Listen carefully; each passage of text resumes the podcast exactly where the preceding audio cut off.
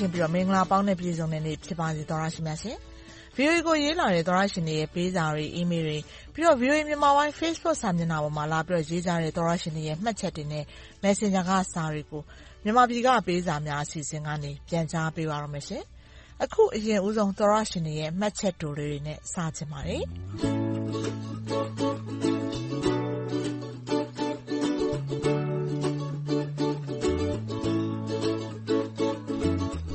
နှလုံးသားဆိုတဲ့သောတရှင်မှတ်ချက်တိုလေးရေးလာတာအရင်ဦးဆုံးပြောပြပေးချင်ပါတယ်။ VOA ရေးကျေးဇူးပါ။သတင်းတွေနားထောင်ရလို့အရမ်းလည်းပျော်ပါတယ်။ VOA ကလူတွေကျန်းမာပါစေတဲ့။ဒါသောတရှင်တယောက်ကျမတို့ထုတ်လွှင့်မှုအောက်မှာမှတ်ချက်တိုလေးလာပြီးရေးလာတာဖြစ်ပါတယ်။ဒေါ်တော်ဝင်းဆိုတဲ့သောတရှင်ကတော့ VOA မိတ်ဆွေများကျန်းမာအဆင်ပြေကြပါစေတဲ့။ဖုန်းမဝယ်နိုင်သေးလို့ PSI ကနေအမြဲတမ်းအားပေးနေပါတယ်။ဖုန်းဝယ်နိုင်အောင်လည်းငွေစုနေပါတယ်။အားလုံးအဆင်ပြေကျန်းမာကြပါစေလို့ရေးလာပါတယ်။ ငွေစုတာအဆင်ပြေပါစေလို့လည်းပြန်ပြီးဆုတောင်းပေးပါတယ်။ PSI ကကြည့်လို့အဆင်ပြေတယ်ဆိုလို့လည်းဝမ်းသာပါတယ်။သောတရှင်ဒေါ်တော်ဝင်းနေကောင်းကျန်းမာပါစေ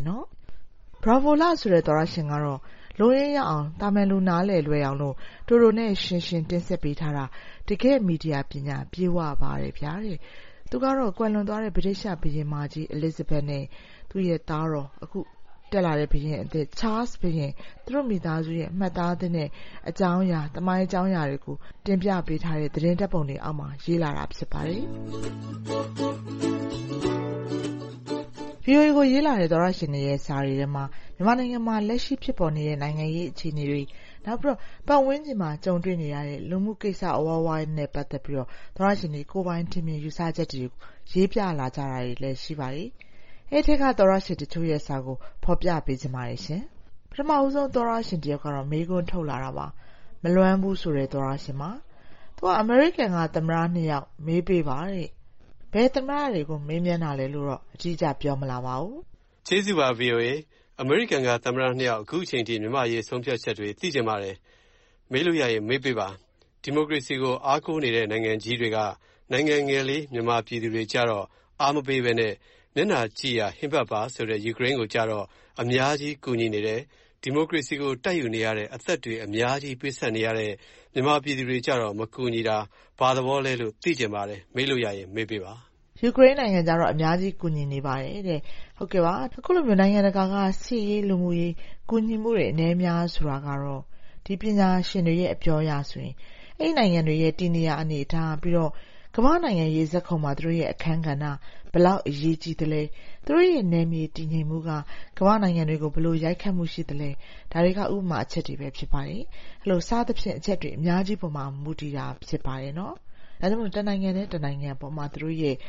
ကူညီမှုထောက်ပံ့မှုတွေအထူးသဖြင့်စစ်ရေးကူညီမှုထောက်ပံ့မှုတွေကကွဲပြားသွားကြပါတယ်။မြန်မာနိုင်ငံကအခြေအနေတွေကြောင့် ပညာရေးတွေ ထိခိုက်နေရပါတယ်ဆိုပြီးရေးလာတဲ့စာတွေထဲမှာ ဒီတပတ် သောတရှင်တယောက် ကျောင်းတွေတက်လို့ အဆင်မပြေပါဘူးဆိုပြီး ရေးလာတဲ့ဆယ်တန်းကျောင်းသားလေးရဲ့စာကို ဖော်ပြပေးချင်ပါတယ်။ VOA က ဦးဦးတော်တော်တို့ မင်္ဂလာပါ။ကျနော်က မွန်ပြည်နယ်ကဆယ်တန်းကျောင်းသားတယောက်ပါ။ကိုဗစ်စဖြစ်တဲ့အချိန်ကတည်းက ကျောင်းတွေနားထားရတာ အခုချိန်ထိပါပဲ။ကျနော်တို့က NUG ကဖွင့်တဲ့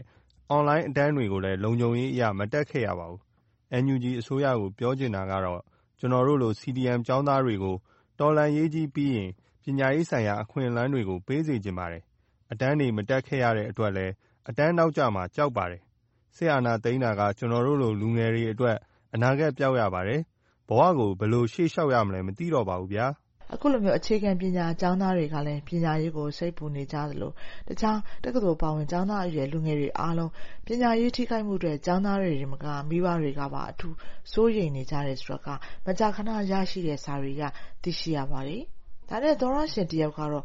တညင်မှာကျူးကျော်ဆိုပြီးအိမ်တွေဖျက်တာမြင်လိုက်ရတော့အထူးစိတ်မချမ်းသာဖြစ်ရပါတယ်ဆိုပြီးသူ့ရဲ့အမြင်ကိုရေးလာပါတယ်။“တနေ့ကသန်လျင်မှာကျူးကျော်ဆိုပြီးအိမ်တွေကိုရုတ်တရက်ဖျက်တာ၊ အိမ်ထောင်စုအများကြီး မိုးထဲရေထဲ ပြောင်းပြေးနေတာတွေ့တော့ စိတ်မကောင်းဘူးပေါ့ဗျာ။စကစကတော့ သတင်းစာရှင်းလင်းပွဲတခုမှာ စစ်တပ်မို့လို့ လုပ်နိုင်တာ၊နိုင်ငံရေးအစိုးရဆို ကျူးကျော်ကို ထိတောင်မထိရဲဘူးလို့ ပြောသွားတာ တွေ့ရပါတယ်။ဒီနေရာမှာ ကျူးကျော်ဆိုသူတွေက ရာဇဝတ်သားတွေ မဟုတ်ပါဘူး။နိုင်ငံခြားက လာနေတဲ့သူတွေလည်း မဟုတ်ပါဘူး။ကိုယ့်နိုင်ငံသားတွေကို ဒီလိုလုပ်တာဟာ နိုင်ငံသားအခွင့်အရေးကိုလည်း ချိုးဖောက်ရာကျပါတယ်။တကယ်ဆို တခုခုစီစဉ်ပေးပြီးမှ ဖယ်ရှားသင့်ပါတယ်။။ တရားလက်လွတ်လုပ်ခြင်းသည် မည်သည့်ဘာသာတရားကမှ လက်မခံပါ။မြန်မာတနိုင်ငံလုံး အခုလိုလုပ်လို့ ဆင်းရဲဒုက္ခရောက်ရတာ မနည်းတော့ပါ။စိတ်မကောင်းဖြစ်ရပါတယ်။”ဒီသောတရှင်ကတော့ အစိုးရတရပ်အနေနဲ့ အခုလိုမျိုး အိမ်ယာမဲ့တွေကို ရုတ်တရက်ကြီး ဒီလိုအစီအစဉ်မရှိ၊ဘာမှထောက်ပံ့မှုမရှိ၊ဘာမှတခြား စီစဉ်ပေးမှုမရှိဘဲနဲ့ လုပ်လိုက်တာ တိုင်းပြည်ကို ကြည့်ရှုစောင့်မတဲ့ အစိုးရရဲ့လုပ်ရပ် မဟုတ်ပါဆိုပြီး ရေးလာတာပါ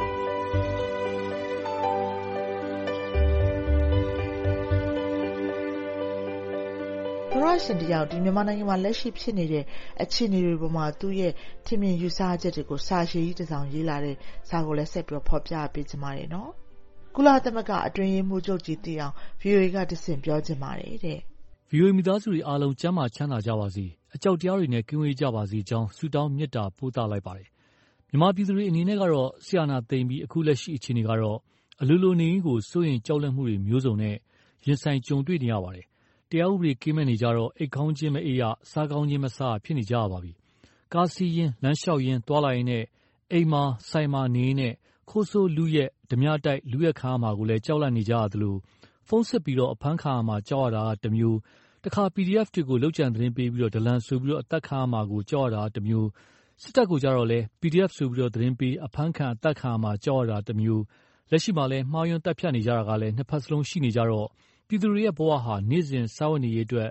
ကုန်ဈေးနှုန်းကတမှောက်၊အခုတမျိုး တော်ကြာတမျိုး၊မနက်တမျိုး နေ့လည်တမျိုး ညတမျိုး မနေ့တမျိုး ဒီနေ့တမျိုး ဈေးတက်နေကြလို့ ငတ်သေမှာ ကြောက်နေကြရတာကတမျိုး ကပ်ကြီးသုံးပါးကို ဆိုက်နေကြရပါပြီ။အခုခေတ်ကာလဟာ အသက်ခြောက်ဆယ်ကျော်အတွင်းမှာ အဆိုးဆုံးအခြေအနေတွေပါ။ကိုယ့်အိမ် ကိုယ့်ဆိုင် ဖောက်ထွင်းအခိုးခံရလို့ တိုင်စရာမရှိ၊ကူညီသူမရှိ၊သူခိုးမိလို့ အပ်စရာမရှိ၊သူခိုးထွက်ပြေးလို့ သူခိုးကျန်ခဲ့တဲ့ သက်သေခံပစ္စည်း ဘယ်အပ်လို့ အပ်ရမှန်းလည်းမသိ ရဲနဲ့ အုပ်ချုပ်ရေး တိုင်ပြန်တော့လည်း PDF ကြောက်လို့ မလာရဲကြ။ရဲနဲ့ အုပ်ချုပ်ရေးက လာကြပြန်တော့လည်း ပတ်ဝန်းကျင်က ဒလန်လို့ ပြောကြလို့ PDF က သတ်မှကြောက်ရတာက တမျိုးနဲ့ စစ်အာဏာသိမ်းပြီး အကြောက်တရားမျိုးစုံနဲ့ ရင်ဆိုင်ကြုံတွေ့နေရတယ်ဆိုတာကို ကမ္ဘာ့ကုလသမဂ္ဂ တံခါးကြီး ဖွင့်လိုက်ပိတ်လိုက် လုပ်နေတဲ့ အတွင်းရေးမှူးချုပ်ကြီး ကြားသိနိုင်ဖို့ VOA ကနေတဆင့် ပြောလိုက်ပါတယ်။လက်ရှိ ပြည်သူလူထု မြန်မာနိုင်ငံမှာ ကြုံတွေ့နေရတဲ့ အခြေအနေကို ဒီသောတရှင်ရေးပြီး ကုလသမဂ္ဂ အတွင်းရေးမှူးချုပ်ကြီး ကြားသိစေချင်ပါတယ်ဆိုပြီး အသိပေးလာတာပါ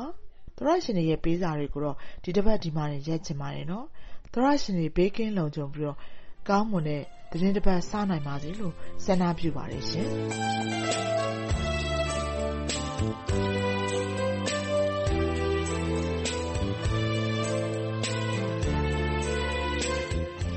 VOA မြန်မာပိုင်းရဲ့ ရုပ်မြင်သံကြားနယ်ရေဒီယိုအစီအစဉ်တင်ဆက်မှုတွေနဲ့ ပတ်သက်ပြီးအကြံပေးဝေဖန်ချင်တယ်။ပြီးတော့ ကိုယ်တိုင်အတွေ့အကြုံနေရတဲ့ဖြစ်ပျက်တွေ၊နိုင်ငံရေးအခြေအနေတွေနဲ့ ပတ်သက်ပြီးတော့ ကိုယ်ပိုင်ထင်မြင်ယူဆချက်တွေ၊ရင်ဖွင့်စာတွေ ရေးချင်ကြတယ်ဆိုရင်တော့ ကျမတို့ VOA ကို စာရေးသားဖို့ ဖိတ်ခေါ်ပါတယ်နော်။အီးမေးလ်ကနေ စာရေးမယ်ဆိုရင် burmese@voanews.com ကို မြန်မာပြည်မပေးစာများ အစီအစဉ်ဆိုပြီး ရေးသားပေးပို့နိုင်ပါတယ်။ Facebook အသုံးပြုတဲ့သူတွေအနေနဲ့လည်း VOA Burmese News ဆိုတဲ့ VOA မြန်မာပိုင်းရဲ့ Facebook စာမျက်နှာကိုသွားပြီးတော့မှတ်ချက်တွေလာပြီးတော့ရေးနိုင်သလို VOA မြန်မာပိုင်း Facebook Messenger ကနေပြီးတော့လည်းစာရေးပို့လို့ရပါတယ်။သောရရှင်တွေစီကတုံ့ပြန်အကြံပြုလာမှာတွေကိုစောင့်မျှော်ကြိုးစားနေပါတယ်ရှင်။